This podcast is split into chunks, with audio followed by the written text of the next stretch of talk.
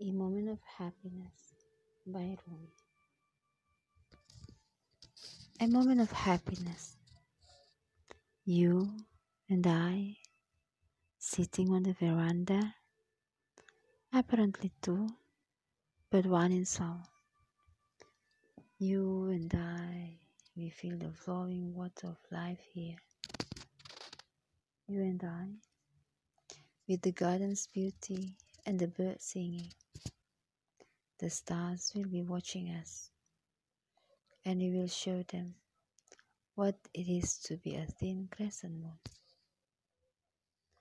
You and I, unselfed, will be together, indifferent to other speculation.